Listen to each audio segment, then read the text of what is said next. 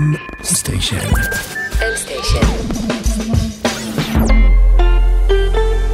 מבית מייקרוסופט בישראל. שלום וברוכים הבאים לעוד תוכנית של Buzzword מורה נבוכים.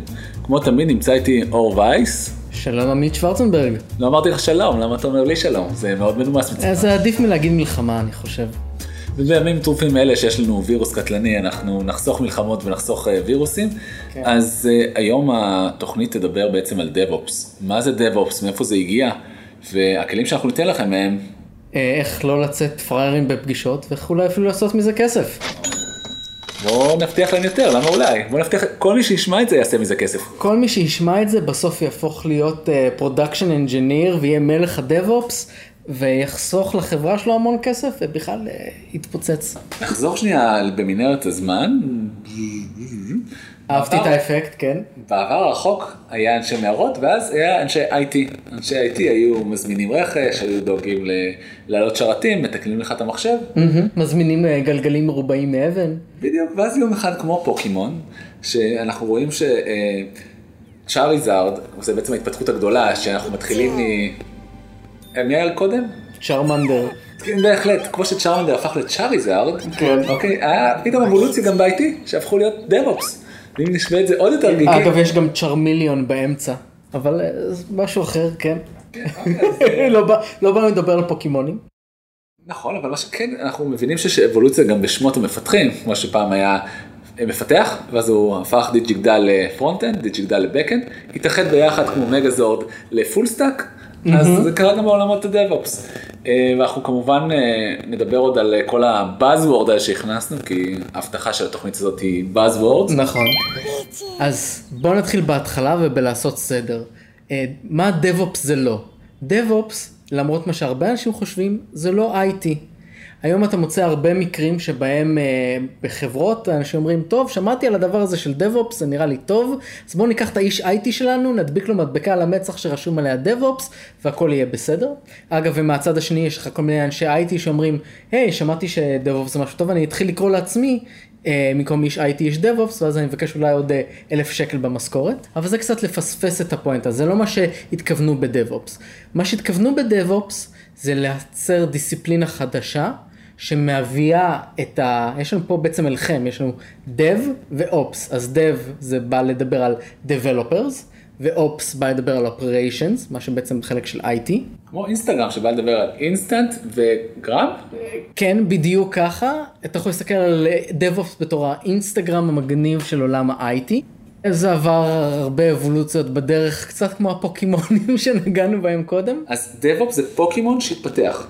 אז DevOps זה פוקימון שהתפתח משילוב של פוקימון Development ופוקימון IT שהתחברו ביחד והבינו שהם צריכים לעבוד ביחד באג'יליות, כי אחרת דברים לא, לא יעבדו. וואו, וואו, וואו, וואו, מה זה הבאזוורד אג'יליות?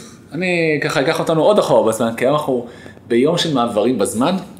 חזרו איתי ל-30 שנה אחורה, אה, עולם ההייטק יחסית אה, בחיתוליו, כדי שנבין, החברות האלה הן לא חברות של מאות שנים. אה, מייקרוסופט הדינוזאור היא בת 40 סך הכל, אה, גוגל בת 20 וקצת, פייסבוק אה, קמה ב-2007, אז בת 13-14 בר מצווה. החברות האלה שאנחנו מכירים כאילו הם היו כאן אתמול, הן חברות מאוד מאוד צעירות. לפניהם היה דינוזאורים כבדים, אינטל למשל, או אם אנחנו מסתכלים על ג'נרל אלקטריק, חברות כמו IBM שהתחילו בכלל בלהכין, אה, אה, מדפס, לא מדפסות, אלא מכונות כתיבה, קיימות הרבה שנים והיו צריכים לעבור להכין שבבים, מחשבים. כדי להכין שבב, אתה צריך לה, אה, ולהוציא אותו לייצור, מה שנקרא tape out, לוקח כשלוש שנים. מאוד מדויקות, אתה עובד במה שנקרא waterfall, מפל מים, תחשבו על מפל שנופל כל פעם בשלבים כל פעם שכבה, שכבה, שכבה בין ממפל למפל. אתה במשך שלוש שנים יודע מה אתה עושה כל יום שאתה בא לעבודה. מי שלא עובד בעולם החומרה ועובד בעולם התוכנה, לא יודע מה הוא עושה מחר בבוקר רוב פעמים, גם שם הייתה הדרגתיות, אז פעם בעולם התוכנה עבדו יותר כמו בעולם החומרה, ובהתחלה זה היה בסדר, כי התוכנה הייתה פשוטה. היה לך נגיד את התוכנה שהולכת עם החומרה והם היו הולכים מאחד לצד השני ולכן הם גם היו באותו קצב ואחר כך נוספו עוד שכבות מעל ובסוף אה, זה עדיין היה איזה שרת שאתה מביא אותו פיזית ומגיש אותו ללקוח. אבל ככל שעברנו לתוכנה יותר גדולה עם יותר רכיבים ושמשתנה יותר מהר בכל האפליקציות שאתה רואה בענן או במובייל. יש שיגידו גם יותר גמישה ופה נעשה plug כי נכון. המילה גמישה היא אג'ילית. אג'ילי, נכון. אה, אג'ילי אולי התרגום המילולי היותר קרוב לעברית זה זריז, אבל אה, גמישות זה חלק מזריזות.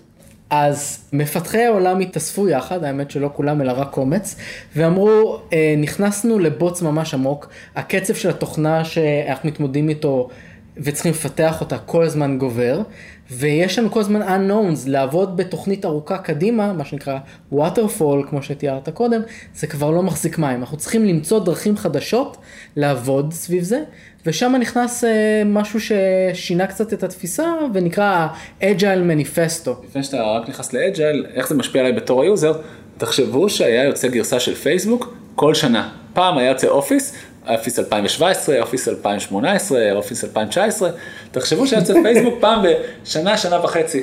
זה לכם הגיוני? אני מקבל אה, פייסבוק חדש כל שבוע, כל שבועיים, משנים כפתור, משנים את ה-UI, זה מה שנקרא גרסה שיוצאת אל ה user, והדבר הזה קורה בכזאת מהירות, וגם הטכנולוגיות משתנות כל כך מהר, אם עכשיו אנחנו מסתכלים על הקורונה, ניקח את Microsoft Teams שהתחילה כמוצר אה, אה, יחסית נחות, וטסה תוך, העבירו לה משאבים, ותוך כשלושה חודשים תפסה ככה הובלה מאוד גדולה. כל זה קורה בגלל שאנחנו עובדים היום אג'ל, מהיר וזריז, ואור התחיל לדבר על אג'ל מניפסטו, ו... כן. אז אנשים מגניבים כמו קנט בק ומרטין פאולר שהם היום אה, ממשיכים גם בתור אה, thought leaders, מובילי דעה בתחום הזה, הם ניסחו ביחד, התאספו ביחד בשנת 2001 וניסחו את ה-Agile Manifesto או המנשר לפיתוח תוכנה אג'ילי או זריז, אגב אתם יכולים למצוא אותו כמעט בכל שפה ב-agilemanifesto.org או פשוט תחפשו Agile Manifesto בגוגל. ואני פה נתחיל פשוט להקריא את זה כי זה קצר ונחמד. אז המנשר לפיתוח תוכנה אג'ילי, אנו חושפים דרכים טובות יותר לפיתוח תוכנה, תוך עבודה ועזרה לאחרים, אלו הם ערכנו ועקרונותינו. אנשים ויחסי גומלין באים קודם על פני תהליכים וכלים. תוכנה עובדת על פני תיעוד מפורט. שיתוף פעולה עם הלקוחות על פני משא ומתן חוזי. תגובה לשינויים על פני מעקב אחר התוכנית. אז אתם יכולים לראות שבעצם החשיבה פה היא, בואו נראה איך אנחנו משנים את צורת העבודה שלנו גם בינינו לבין עצמנו, גם בינינו לבין הלקוחות, ובטח ובטח בינינו לבין התוכנה שאנחנו כותבים, כדי שהכל יהיה הרבה יותר מהיר ויותר אה, גמיש לשינויים. אז זה בעצם יצר תופעה שאנשים זורקים את העבודה שלהם מעבר לחומה. מה זה מעבר לחומה? אם אני מפתח פרונט, אז אני הרבה פעמים זורק בעצם את העבודה שלי לאיש backend או איש DevOps, ואין לי מושג איך פיסת הקוד הזה שמשנה לעמית את הממשק פייסבוק מצבע כחול ללבן, למה? אוקיי, מגיע אליו בסופו של יום, אני רק החלפתי צבע. אז בואו בוא נחדד את זה, לזרוק מעבר החומה זה ממש, זה ביטוי מהותי שכל מי שמתחבר לדב-אופס מכיר אותו, זה מצר מדבר על העולם שלפני, העולם היותר ווטרפולי, שבו הייתה הפרדה יותר מחולקת למקטעים, ש... ואיך שזה עובד זה היה, המפתחים היו כותבים את התוכנה וזורקים את זה מעבר לחומה לאנשי IT, מה שנקרא תסתדרו ושיעבוד לכם. ושיגיע ללקוח ושכולם יהיו מרוצים. אבל מאחר ודברים משתנים עכשיו הרבה יותר מהר, הקצב של לזרוק מעבר לחומה גבר, וזה פשוט הפסיק לעבוד. דברים היו כל הזמן נשברים בצד של הלקוח או בצד אה, סביבת ה production, סביבת הייצור, וזה עושה כאב ראש גם לאנשי IT או לאנשי ה-operations, וגם למפתחים שהאנשי IT האלה באים אליהם ואומרים להם, מה זה הגוש זבל הזה שהבאת לי? works for me, אה, יש לזה שם. כן, okay. works for me or works on my machine, מה שנקרא איש Ops זה בעיה שלך. אז הדבר הזה לא עובד יותר, ובתפיסה האג'ילית של DevOps, אז DevOps זה חלק מהעולם של תפיסות עבודה אג'יליות, באים ואומרים, ה-Developers יעשו את ה-Ops, ה-Developers יהיו אחראים בעצמם על איך התוכנה הולכת להיפרס אל הלקוח ולסביבת הייצור. אם אתם רוצים עכשיו ללמוד עוד על החשיבה הזאת, אני מאוד ממליץ על ספר שנקרא The Phoenix Project, מאת ג'ין קים, זה ספר עלילתי, שמעת עמית? עלילתי, לא איזה ספרות מקצועית, ספר עלילתי על DevOps. או, תגיד, אתה לפעמים קורא וחווה תרבות שהיא לא קשורה ל-DevOps? לפעמים אני רואה תוכניות בישול אבל גם אז כשאני רואה אותם אני רואה את זה ביוטיוב ואני חושב על זה שזה בענן ושיש המון המון DevOps שבעצם מאפשר לי לצפות בתוכניות בישול האלה. אז לשאלתך לא, לא, לא באמת. אז הספר העלילתי הזה מתחיל בעצם מנהל צוות operations בחברה גדולה שמזמינים אותו אל המנכ"ל והמנכ"ל מודיע לו פיטרתי את כל האנשים שמעליך בשרשרת ואומר לו אני צריך שאתה עכשיו תנהל את כל ה-IT בחברה יותר טוב. יש לנו פרויקט שנקרא פרויקט פיניקס, שכל החברה תלויה בו, ואם זה לא יצליח, אגב, כולם הולכים לאבד את העבודה שלהם, אה, כולל אתה וכולל אני. זה נשמע כמו יום יום במשרד. אז... כן, משהו שמגניב בספר הזה, ששווה להכיר, זה שבעצם חוקרים שם תקריות של קריסות שרתים, כאילו זה תקריות רצח. אני חושב שזה ממש מגניב לקרוא, אז אני באמת אה, ממליץ על זה. אה, אז תשפטו בעצמכם את אור, כמו שאני שופט כל יום. ובצדק. ולא לתוכנה דרך אגב. ומה שנקרא מי שיפשל אה, בתוכנה ייענש בחומרה. ואם אתם רוצים עוד בדיחות לזרוק למקומות העבודה שלכם, המשיכו להקשיב לנו. אז אה, קרשים אה, הצידה, אז עכשיו אנחנו קצת הבנו מה זה חשיבה אג'ילית, מה זה DevOps, עכשיו בואו נבין את האירוניה שקיימת פה. בטח יצא לכם לפגוש, או לך יצא עמית לפגוש אנשים שהטייטל שלהם זה איש DevOps. אני, כמו שדיברנו אפילו בהתחלה, אני ראיתי איך אנשים, ואני אחזור לעולם הפוקימונים, מתפתחים מצ'רמנדר לצ'אריזארד, ואיך הם מבוקר אחד הם אנשי IT, שבוע אחר כך כשאני חוזר מהחופשה הנהדרת שלי, כשטסתי ועוד היה טיסות, אני חוזר והם אנשי DevOps, אבל הם עושים את אותה עבודה. נכון, אז לא, אז זה ממש פספוס, והפספוס פה הוא כפול. אה, כמו שאמרנו, ב-DevOps, שהוא כשר למהדרין, כמו שצריך על פי התפיסה, ה-Developers עושים גם את ה-Ops. ברגע שאתה לוקח ומפריד זה ואתה אומר יש לי בן אדם אחר שרק הוא עושה את האופס, חטאת לכל המטרה. אה, ואז כשאתה לוקח איש איי-טי כזה והוא פשוט משנה את הכותרת שלו, אז הוא לא באמת שינה שום דבר בארגון, הארגון לא באמת אימץ דב-אופס. אה, משהו שכן יכול לעבוד שם טוב, או להתקרב לטוב, זה אם אותו איש IT יתחיל להפוך את עצמו להיות יותר אנג'יניר, יותר דבלופר, ויאמץ כלים של uh, פיתוח, ואז זה עוד איכשהו יתאזן. אבל בעיקרון, כל מקום שבאים ואומרים, אה, אתה איש DevOps, פספסנו את הפואנטה העיקרית. בוא נדבר על מה באמת היא הדיסציפלינה האמיתית של DevOps. אם אני מסתכל על, אמרת, ה-DevOps האמיתי הוא, השילוב שלו הוא Production Engineering. אז כשאני כותב קוד על הלפטופ שלי, אני בעצם רוצה שהקוד הזה יגיע בסופו של דבר ללקוחות, יגיע בצורה שאני לא יודע איך היא קורית, כי המערכות production יכולות להיות מאוד מאוד מורכבות. יכול להיות שמה שאני כותב צריך להגיע רק לדרום אפריקה וכן הלאה וכן הלאה, ואפשר לסבך את זה mm-hmm. יותר ויותר לפי סוג הלקוחות. אז בעצם יש את כל התהליך הזה שנקרא CICD, Continuous Integration, Continuous Development. ואנחנו... Continuous Delivery. יכול מאוד. המטרה שמישהו ייקח את הקוד ממני ויעביר את זה ללקוחות. אז אתה, אתה נוגע ממש ברגש של המפתחים, בטח הקלאסיים של פעם וגם איך שנמצאים בארגון היום. מפתחים רוצים בסופו של דבר להתעסק ב... הפוקוס שלהם שזה לבנות את המוצר, והרבה פעמים זה מתסכל להתעסק באיך אורזים אותו ואיך מנגישים אותו. אז משהו שהוא פשרה באמצע שאתה תמצא בארגונים זה מה שנקרא Production Engineering. Production Engineering זה עיסוק ב engineering לטובת אה, דלבור או הבאה של דברים ל production. ואם אנחנו מדברים על אה, DevOps כהלכתו, הרבי קנט בק, הוא מאשר את זה, בברכה אפילו. אני האמת לא בטוח, אולי מרטין פאולר יותר, אני לא בטוח לגבי קנט בק, אבל אה, זה גם עניין של קצת, אתה יודע, כמו כל תורה, ויש מקום להתפלפלות והתפלספות. אה, אני חושב... אנשי DevOps בפסח? אנשי DevOps בפסח מחכים שאליהו הנביא אה, יפרוס את עצמו ל production. על הים בעצם העלו 400 אינסטנסים או 200? על הים לקו אה, חמישה קונטיינרים. ו Kubernetes אחד, ועל כן תאמר לקו על הים 200 Kubernetesים וקונטיינר אחד עם Dockerfile. אז זה מה שהרבי קנט אומר, ועכשיו אני יכול לתת לך להמשיך אחרי שככה עשינו ברגע. פלפלנו על, אה, כן, בין כן. מה עושה production engineer בליל הסדר. אז בואי נדבר על אה, כשר למהדרין, מה שנקרא glatt kosher, לא יהיה אף בן אדם שעוסק ב-IT או Operations שהוא לא מפתח. המפתחים עצמם שבונים את הקוד יעשו את כל היתר מסביב. production engineering זה צעד קצת יותר מתירני קדימה, תקרא לזה אולי אה, DevOps רפורמי אם תרצה, ובו אומרים את החלקים של לבנות את הקוד, את החלקים בתוכנה שמביאים את התוכנה אל הענן, אל סביבת הייצור, אל הלקוחות, זה כן נעביר למפתח אחר, אז הוא יהיה מפתח בין מפתחים, שאחראי לספק כלים למפתחים ללהביא את הקוד שלהם לייצור. אז כולם עדיין יהיו חייבים להבין איך הקוד רץ בסופו של דבר בסביבה האמיתית, יהיו חייבים להתעסק ב-operations, אבל הם ישתמשו בכלים שמפתח אחר שמוביל את ה-production engineering יספק להם. אז זה, זה כזה איזון באמצע. יש שיקראו לו איש אופס בחלק מהמקומות. אה, אז זה, זה באמת החטא המבלבל, שהרבה פעמים יקראו גם לאיש IT שהוא לא אנג'יניר בכלל, איש DevOps, יקראו לאיש Production Engineering, איש DevOps, ויקראו גם לסתם מפתח, מפתח DevOps, אם הוא עושה קצת Backend ועושה, ונוגע בתשתיות ענן. אני ככה רוצה להעלות פה סיפור מעניין על אה, חבר טוב אה, בשם גיל צנלר, שלמד איתי בטכניון. והוא כל הזמן עבד בעולמות ה-IT, מה שנקרא היום DevOps, ולא הבנו, הוא מתכנת, ופעם IT לא נחשב כעולם DevOps תכנותי, ולא הבנו מה הוא עושה, והוא פשוט פתח בזה קריירה.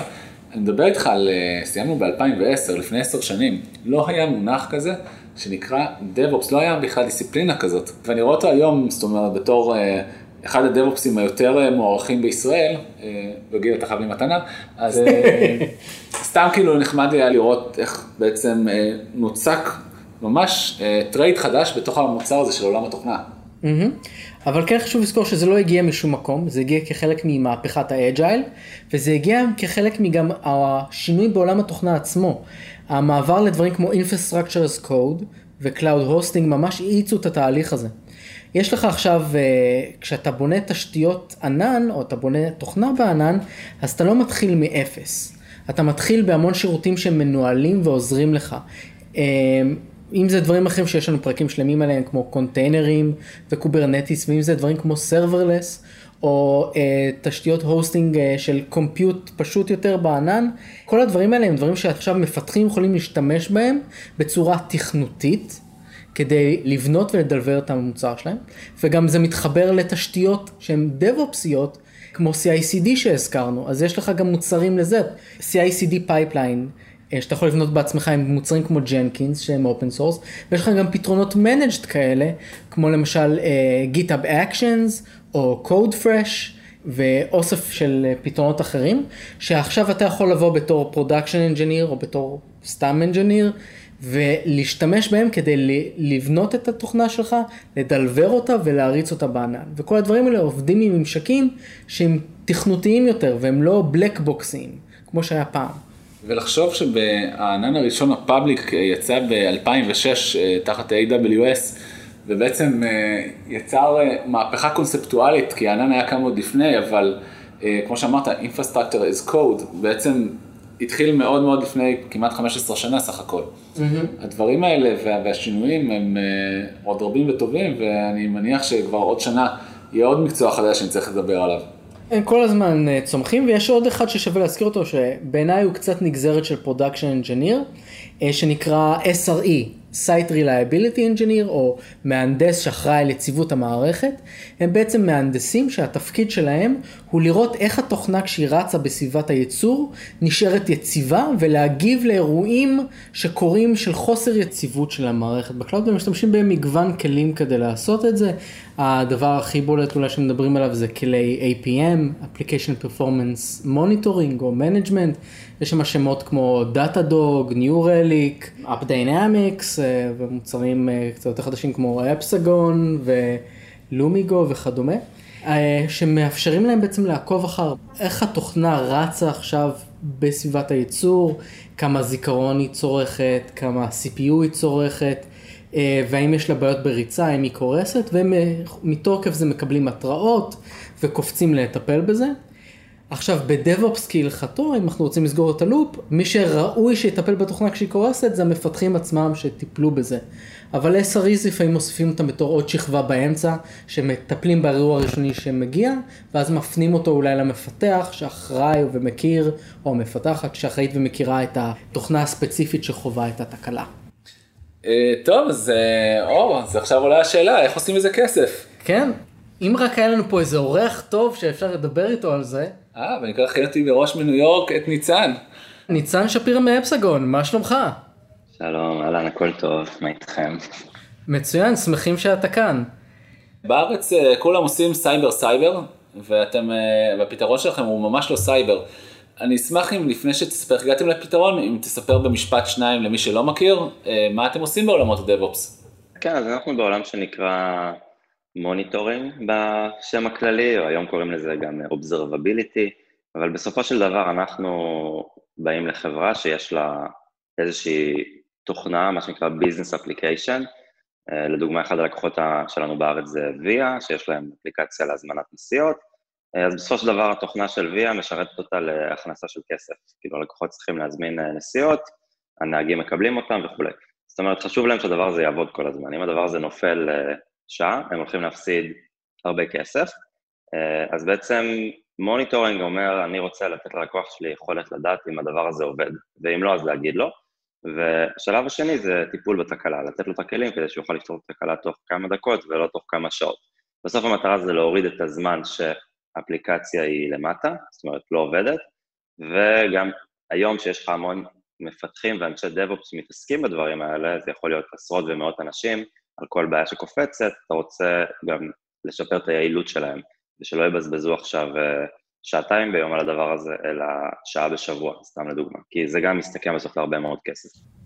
אז אה, לעדויות מהצד, זה נשמע כאילו אג'ור, AWS, GCP כבר יטפלו בכל העניין הזה של המוניטורים בעצמם. איך בעצם מצאתם את הנקודה הזאת בתוך אה, העולם החדש הזה, שרק התחיל להתאבות בזמנו? ואיך אמרתם, וואלה, פה יש חוסר ופה אנחנו גם לא רואים שתהיה לנו תחרות מצד הענקיות. אנחנו נהיה יותר מהירים, יותר אג'ילים מהחברות הגדולות, אה, כן, אז אגב, חוץ מ-AWS ואז'ור, יש גם חברות גדולות בעולם המוניטורים, אה, שהן חברות ציבוריות, חברות אה, שעושות את הדברים האלה כבר די הרבה שנים. הזכרנו בפרק את חברות ה-APM למשל, אז זה החברות, New Relic, Datadog, זה החברות שאתה מדבר עליהן? כן, בעיקר, זה החברות היותר מוכרות בתחום. איך הגענו לזה? אמרנו, טוב, יש פה טכנולוגיות מעניינות שהולכות להיכנס והן כבר נכנסות, קונטיינרים, serverless, Kubernetes, כל השמות האלה בעצם תופסים תאוצה ונהיים סוג של הסטנדרט לפיתוח תוכנה היום, וכולם הולכים ל cloud, כאילו כל סוג של חברה כמעט, אה, חברת אה, סטארט-אפ, אבל גם חברת ביטוח וחברת retail ומדיה, והרבה מהלקוחות שלנו הם הרבה יותר טרדישיונל אה, כאלה, אז אמרנו בואו נדבר עם הלקוחות האלה שעובדים בטכנולוגיות האלה ונראה איזה בעיות יש להם. אה, ולעומת זאת, כל מי שדיברנו איתו, שזה לרוב אנשי מנהלי פיתוח, אנשי DevOps, אה, אנשים טכניים, אמרו לנו, האפליקציה שלי נהיית יותר ויותר אה, מורכבת, יותר מבוזרת, פתאום במקום חתיכה אחת של קוד יש לי עשרות, מאות ואפילו אלפים של קומפוננטות שמדברות ביניהם, ופתאום קורית תקלה, ואני לא יודע מה לעשות, ואני הולך ומסתכל על לוגים ומתחיל לנסות להצליב, ופתאום מה שלקח לי חמש דקות, לוקח לי חמש שעות. ואז הבנו שיש פה בעיה שחזרה על עצמה שוב ושוב ושוב, ודיברנו עם חברות גדול, גם גדולות, גם קטנות, ובאמת אה, עשרות חברות לפני שבכלל כתבנו שורה של קוד. לא באנו מעולם של monitoring, אבל אנחנו מהנדסים, אז הבנו שהמקור לבעיה הוא העובדה שהכל נורא מבוזר ומסובך. איך אפשר לעשות את החיים קלים ללקוח? אה, כשאנחנו מדברים איך עושים מזה כסף, הרבה אנשים שיש להם סטארט-אפ פוחדים אה, לספר על הרעיון שלהם לחברות אחרות, חושבים שחברות יגנבו להם את הרעיון.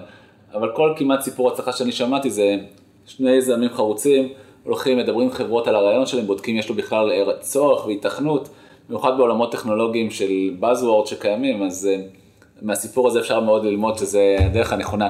אז אה, דיברת בעצם על השימוש של איך אנשי אה, DevOps עובדים מהמוצר.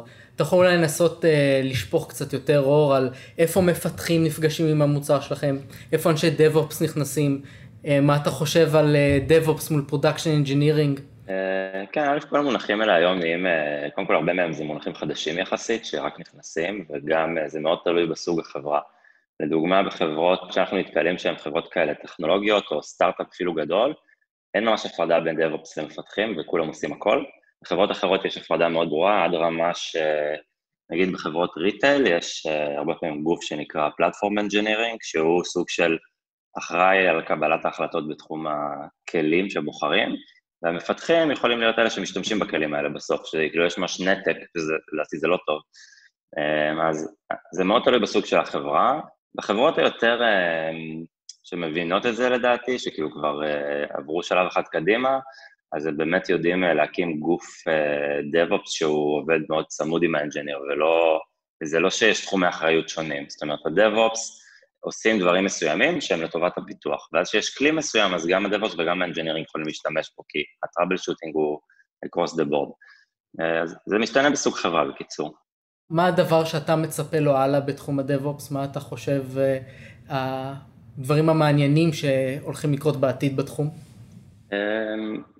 אני חושב שמה שמעניין לראות עם מה יקרה מבחינת אמ, השימוש בכלים open source, כי יש הרבה כלים מאוד פופולריים כמו Prometheus, אמ, יש נגיד טכנולוגיה של open tracing שאנחנו בעצם משתמשים בה גם במוצר שלנו, אה, והרבה ארגונים, אה, Grafana נגיד, הרבה ארגונים מדברים הרבה על זה שהם רוצים אה, להשתמש בכלים האופן סורסים, אבל אנחנו לא באמת רואים שלארגון הממוצע זה make sense להרים דבר כזה בעצמו, כי זה הרבה מאוד עבודה. ואם אתה נטפליקס, או אפילו יש כמה חברות בארץ שעושות את זה וזה אחלה, אבל אתה יודע, לחברת ביטוח או להרבה חברות אחרות גם זה לא כזה רלוונטי, אבל כן מדברים על זה. אז מעניין לראות מה יהיה אה, שלוש, חמש שנים מהיום, איך יראה ה stack הטכנולוגי בארגונים כאלה. אם זה יהיה באמת אה, מיקס ומלא כלים, in-house, commercial, או שבאמת תהיה קונסולידציה ואנשים ילכו לעולם שהוא פתרון כזה יותר מנוהל ו SaaS ו automated, שזה יותר הכיוון שאנחנו מכוונים אליו. אז אה, החכמנו, תמשיכו להצליח, ונדבר איתכם שוב ב-IPO, באקזיט של ה unicorn שלכם. שיהיה לך יום מצוין. גם לכם, ביי ביי. תודה רבה, בזמן שאנחנו ככה עושים אה, מורה נבוכים על חלק מה buzzword שזרקת. כן. או כך. אז היה לנו פה קודם כל open אה, source, קוד אה, מקור פתוח מה שנקרא, קוד שתורמים אותו במלואו אה, לקהילה הפתוחה ואז אנשים יכולים אה, להשתמש בו בלי לשלם ואף אה, לבנות ממנו עוד מוצרים ולתרום עוד קוד הלאה. גם מזה אפשר לעשות כסף דרך אגב. אה, כן, יש הרבה חברות שבנו את עצמם נטו על open source, אה, דוגמה יפה למשל זה Elastic, דוגמה יותר אה, עכשווית אולי זה Redis, זה מאוד חזק בעולם של דאטאבייסים באופן כללי. בנוסף היה פה את המושג של SaaS, של Software as a Service, בעצם תוכנה שמוגשת כשירות. היה שם עוד מושגים שפספסתי. שכבת האפליקציה, אבל כן. על דברים כמו open source יש, אנחנו נעשה ממש פרק שלם, וגם על SaaS. תודה אור. תודה עמית.